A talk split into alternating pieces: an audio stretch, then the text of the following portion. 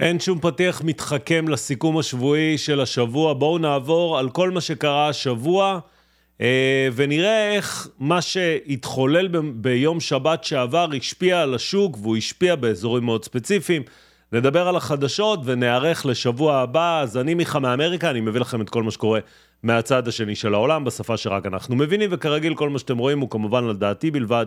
הוא איננו המלצה לפעולה והוא איננו ייעוץ פיננסי. בואו נצלול פנימה, יש לנו כמובן את כל הסיכומים השבועיים פה בערוץ.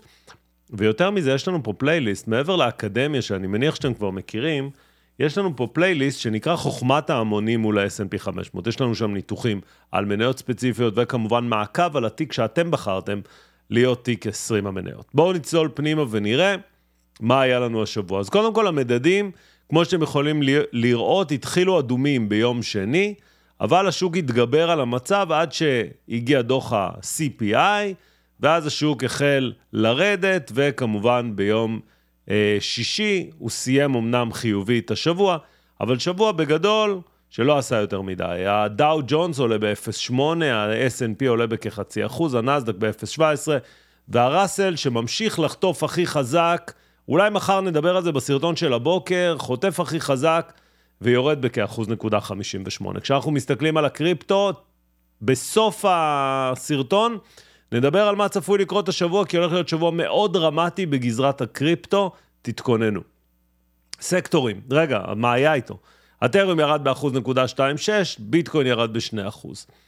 סקטורים, אנרגיה, תפקד הטוב ביותר, אתם יכולים לראות פה בשבועי, עולה ב-4.5 אחוז, אחריו Utilities, real estate וכולי, המתפקדים בגרוע זה Consumer Discretionary ו-Materials, כולם מכינים את עצמם למיתון, שיקרה, לא יקרה, תחילת שנה, לא בדיוק ברור, ואתם יכולים לראות year to date, מי מתפקד הכי טוב ומי פחות טוב.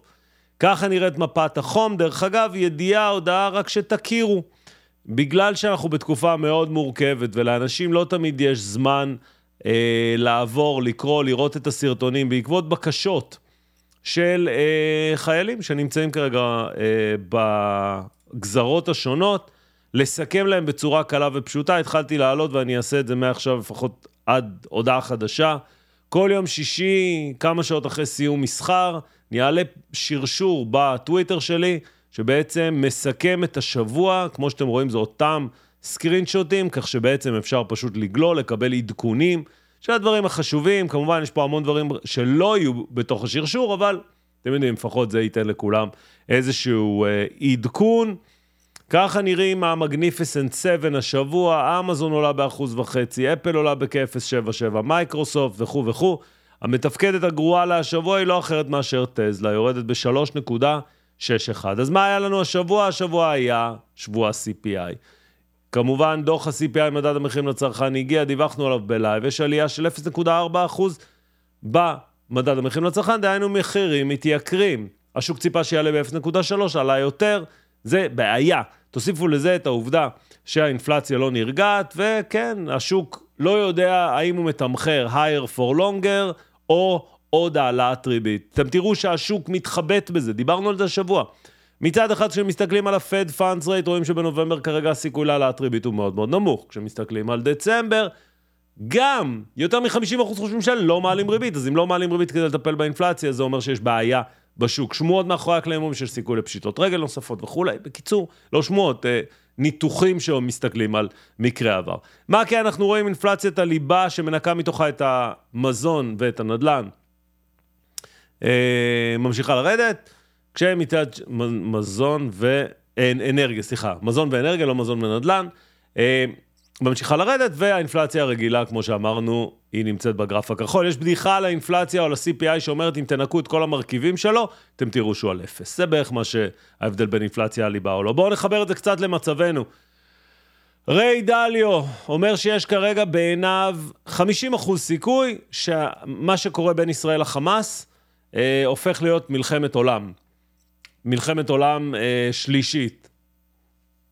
אין, אין לי מה להגיד לכם, אבל כמובן כשריי דליו, אחד מהמשקיעים היותר אגדתי, אגדיים, שהקים את קרן הגידור הגדולה בעולם, אומר כזה דבר כחלק מתהליך ה-New World Order שלו, השינוי סדר עולמי החדש, אי אפשר להתעלם מזה, כמובן כשכרוכה בזה ארצות הברית, שנמצאת לצידנו, למול איראן, שנמצאת מהצד השני, ורוסיה, וסין, וכל המעצמות בוחשות אה, במקום לתת לנו לטפל במה שאנחנו צריכים לטפל. אז אה, כן, לא, אני בטוח לא יודע להגיד אה, אם תיפתח, אני ממש מקווה שלא תיפתח מלחמת עולם שלישית כמובן. אה, אבל זה ריי דליו שמזהיר מזה, וג'יי פי מורגן, ג'יימי דיימון, אחרי דיווח התוצאות, אומר, גם המלחמה באוקראינה, תוסיפו לזה את המלחמה שקורית כרגע בישראל, משפיעים על מחירי האנרגיה ומחירי המזון, כל זה ביחד מביאים אותנו לסיטואציה שאנחנו נמצאים בתקופה המסוכנת ביותר בעולם, או שהעולם ראה מזה עשורים. זה אומר ג'יימי דיימון, הבנקאי אולי החשוב ביותר בעולם. וזה וולמארט שמעדכנת בסערה שלא מפסיקה אה, להנפיק כותרות. זה עדכנה שבוע שעבר על ההשפעות של אוזמפיק, אבל זה ממשיך השבוע לזה שהאוזמפיק, ויסות רמות הסוכר או התיאבון או כל דבר שזה עושה, נמצא כרגע בבדיקה להאם זה יכול לטפל גם באי ספיקת כליות, או לא בבדיקה, במסלול, אה, אה, במבחן אה, על, על חולים, או איך שזה לא נקרא ההגדרה הרפואית לזה, אה, וזה מצליח מוקדם מן הצפוי, הם מסיימים את המבחן בדיקה שלהם שנה לפני הזמן, זה כמובן מוסיף להתלהבות של השוק ולהתלהבות מנובו נורדיקס וכמובן מאילי לילי. אה, אני הבטחתי שזה יהיה אתמול, אבל בגלל המצב אני דוחה את הסרטון על אוזמפיק. כל המידע קיים, כל הנתונים קיימים על ההשפעות של אוזמפיק בכלל ואיזה מניות ואיזה חברות יעלו, יכול להיות שאני בכל זאת אעשה אותו בימים הקרובים ואני פשוט אתעלם מהמצב. יוניטי מפטרת את המנכ"ל שלה בעקבות ההחלטות הניהוליות שהוא קיבל בנושא שינוי הדרך שבה מחייבים לקוחות, זה קרה השבוע. כמובן, אה, המניה הגיבה על כך בחיוב. קרוליין אליסון מ-FTX, שהייתה אחראית על אלמדה, קרן הגידור ש-FTX העבירה לה כספים, העידה השבוע לפחות שלושה ימים.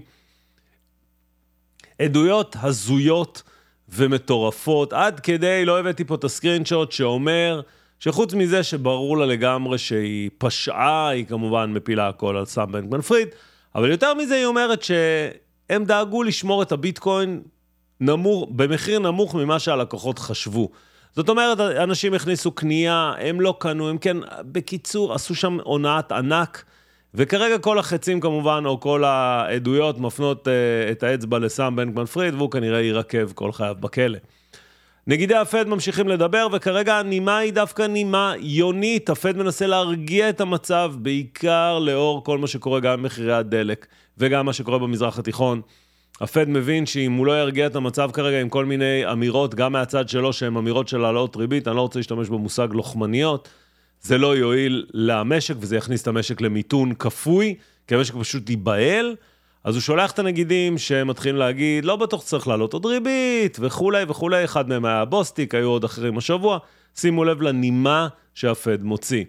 עוד אנחנו מגלים השבוע שטזלה בונה, אה, נקרא לזה מבצר, למחשב העל שלה שנקרא דוג'ו, אה, ל super computer, זה ממש יהיה כמו בונקר, אה, כי אילון מאסק כמובן מאוד חושש גם מחדירות, אבל גם מהעובדה שהדוג'ו, הסופר קומפיוטר, הוא מחשב העל אה, החמישי, הולך להיות החמישי בגודלו בעולם. ואם כבר דיברנו על טזלה, היא חוגגת השבוע את הבטריה ה-20 מיליון שהיא מייצרת בפורמט 4680, 4680 פורמט חדש, בטריה קלה יותר, יותר אנרגיה היא מוציאה, אתם מוזמנים לחפש ביוטיוב, יש סרטון שממש הם הסבירו את כל השלבים של הבנייה, מה היתרונות ומה החסרונות.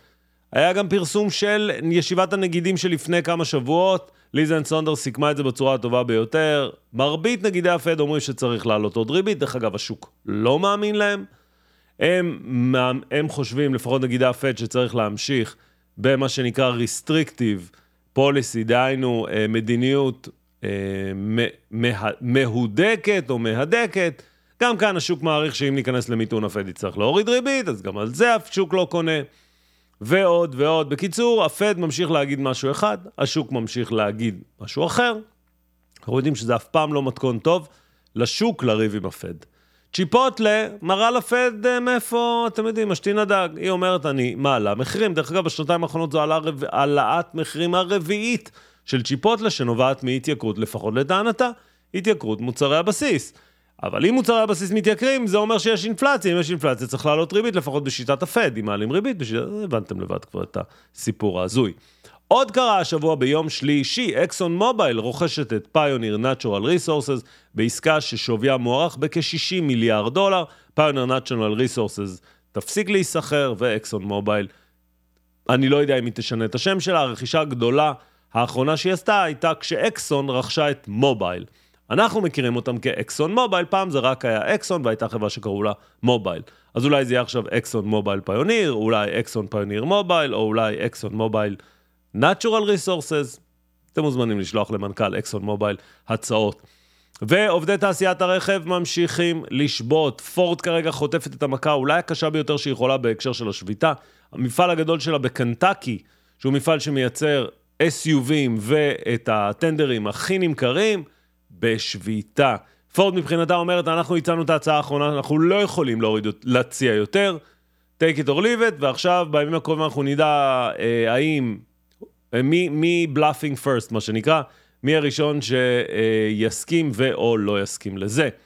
נטפליקס, לפני דיווח התוצאות, שנדבר על זה עוד שנייה, אה, שהיא מדווחת השבוע, עושה שינוי ארגוני. אה, והולכת לצמצם את כמות האנשים, האם זה אומר שיש לה יותר מדי אנשים, האם זה אומר שהרווחיות שלה נשחקה, האם זה אומר הרבה מאוד שאלות, אנחנו לא יודעים, נחכה לדיווח התוצאות השבוע. ומייקרוסופט מקבל בקשה הזויה מה-IRS, מרשות המס האמריקאית, שאומרת לה, אנחנו גילינו שאתם חייבים לנו 28.9 מיליארד דולר משנת 2004 עד 2013. בוא נאמר, אף אחד מאיתנו לא היה רוצה לקבל את הטלפון הזה ו/או את המכתב הזה. כמובן יהיו עורכי דין ויהיו זה, ויהיה הרבה דיונים, אני לא בטוח שהם ישלמו את כל זה, ואולי כן ואולי לא. קיצור, 28.9. וגם עוד השבוע היה לנו מכרז לאג"ח 30 שנה או למשכנתאות שמגלגלות ידיים, למי שלא יודע. בארצות הברית השיטה היא שלוקחים מברוקר משכנתה, והוא מעביר את זה לבנק שקונה מאותו משכנתה, וכל אחד גוזר בדרך קופון. בגלל החשש, בגלל המצב, בגלל המצוקה, אנשים לא רוצים לקחת, והיה מכרז גרוע, המכרז הזה הלחיץ מאוד את השוק. כי מה זה אומר לנו? זה אומר שכולם לחוצים מהאינפלציה, זה אומר שהריבית תישאר גבוהה, ולמה לחוצים מהאינפלציה והריבית גבוהה? זה אומר שאנשים יחדלו פירעון, אם יחדלו פירעון, מה יש לי להחזיק משכנתה של מישהו שלא הולך לשלם אותה ואני הולך להפסיד את הכסף? בקיצור, זה הרעיד את השוק אה, בצורה משמעותית. ויום שישי קיבלנו את הבשורה, הרגולטור הבריטי, מסיר את ה... כפי הנראה, מסיר, לא כפי הנראה, זה כבר נראה לי רשמי, מסיר את ההתנגדות שלו למיזוג של אקטיביז'ן בליזרד עם מייקרוסופט, ואקטיביז'ן בליזרד מצטרפת למייקרוסופט, מנכ"ל אקטיביז'ן בליזרד, אה, הולך לדווח למי ש... אה, לסמנכ"ל המשחקים נקרא לזה, במייקרוסופט, משהו כזה, עד סוף השנה, ואז הוא יעזוב את החברה. בובי קוטיק הוא נקרא, וזה פחות או יותר כל החדשות ה... נקרא לזה, היותר אה, מעניינות שקרו השבוע. בואו רגע נתמקד בכמה דברים עוד שנייה לפני השבוע הבא. אני רוצה רגע להעלות פה את אתר קויפין, כי אני רוצה להראות לכם את, בוא נראה אם יש לי את זה שמור, פרפורמנס, כן. מה שאתם רואים כרגע זה בעצם שלושת הדברים שהושפעו השבוע ממה שקורה בישראל. הראשון הוא הדלק. הדלק עלה השבוע ב-5 נקודה... לא רציתי את זה רק שנייה, חמישה ימים. ב-5.8 אחוז. למה? לחץ במזרח התיכון, איראן כן, איראן לא, האמריקאים באים, הרוסים מעורבים, מייצר לחץ, מחיר הדלק עולה. כמובן, זה גם מה שגרם לאנרגיה לעלות. הדבר השני זה הגולד, הזהב, אתם רואים פה אה, את הדרך שבה ניתן להציג את זה, לא משנה, יש תעודות סל שעוקבות אחרי זה, אתם מכירים אותן, עולה ב-4.5%. למה? אינפלציה, לחץ, אנשים בורחים לזהב. מצד שני, מה שירד השבוע היה דווקא ה-Natural גז, הגז הטבעי ירד ב-3%. כל אלה, או כל העליות וכל הירידות האלה, הם כתוצאה כמובן מהמתיחות וממה שקורה בישראל. בואו נעלה את הדלק, נתחיל איתו ונראה מה היה איתו, ואז נסתכל לשנייה על האג"חים, ולאחר מכן נדבר על מה עומד לקרות בשבוע הקרוב. אז ככה נראה הדלק, הדלק כמו שאתם רואים, הגיע פה בעצם לפסגה באזור ה-94-95, נחתה חזרה לאזור ה-80, קיבל את הבאונס בק במהלך השבוע, ועכשיו הוא נסחר סביב 86, יש לו התנגדות משמעותית ב-87-6. ואחרי זה אם הוא יפרוץ אותה, הוא בהחלט יכול להיות שהוא יעלה ל-89, 90 ו-92. כמו כן הוא יכול להיחלש אם האנשים ירגישו שהמצב בשליטה. אז זה לגבי הדלק oil crude, אני רוצה להראות לכם עוד משהו שקשור באג"חים, שימו לב לאג"ח לעשר שנים, שעם כל הדרמת האג"חים ועם כל הדרמה בשוק, הוא מה שנקרא rolling over, משנה כיוון כלפי מטה, ועם עוד יום נמוך מתחת ל-4.5%, זה אומר שאנחנו בשינוי מגמה משמעותי, ותחנה הבאה 4.4, אתם יודעים לבד מה זה אומר. זה לגבי זה, זה דברים חשובים שחשוב לזכור, ועכשיו כמובן איבדתי איפה היינו, הנה היינו פה. זה מה שעומד לקרות שבוע הבא. שבוע הבא, עונת הדיווחים, מקבלת הילוך גבוה, ואני כן יכול להגיד לכם שלי אישית יש דילמה, נקרא לזה דילמה תפעולית. כי עונת הדיווחים היא הרבה פעמים, הלייבים האלה, הם אה, יותר, אה, נקרא לזה, באווירה טובה ובבדיחות, יש כמובן את סרטון הפאב וכולי. בהתאם להתפתחויות שיהיו, ככה ננהל את הלייבים האלה, יהיו את הלייבים, ושבוע הבא יהיו לייבים נוספים, תעבירו את הפעמון להכל. אורחים כמו אייל שמילוביץ' יגיעו, דן דולב יגיעו, יגיעו הרבה אנשים כדי לתת את דעתם, להשתתף, שנוכל לשמוע, וגם לתת לכם אה, אפשרות אה, לח, להיחשף לדברים אחרים חוץ מרק חדשות. אז בואו נחזור לדיווח. בקיצור, אני לא יודע להגיד לכם איך הלייבים של הדיווחים יהיו, יהיה את כל התחנות, את כל הדברים כרגיל.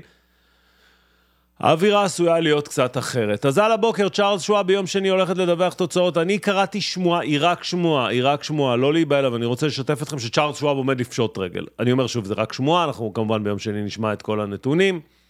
אה, זה בגדול יום שני בבוקר. יום שני בסיום מסחר יש לנו את פרסט בנק.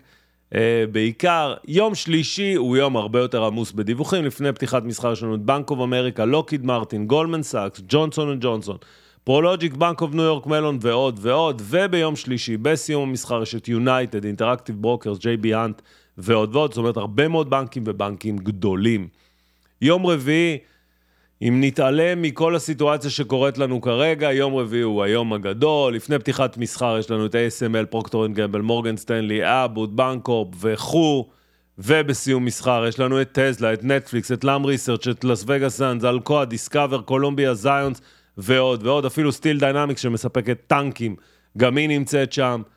וביום חמישי AT&T, American Airlines, טייוואן סמי, The Blackstone, נוקיה, קי-בנק, סנאפ און ויוניון פסיפיק של הרכבות. בקיצור, כל החברות מאיצות את עצמם, אינטואיטיב סרג'יקל בסיום.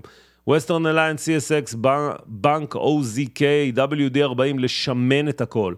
וביום שישי שלומברז'ה, אה, SLB, סליחה, כמעט קראתי לה בשם formerly known as שלומברז'ה, אמריקן אקספרס, קומריקה, האנטינגטון, אוטוליב ועוד ועוד. שבוע עמוס עמוס בדיווחים של חברות מאוד מעניינות, חלקם אפילו נמצאות אצלנו ב...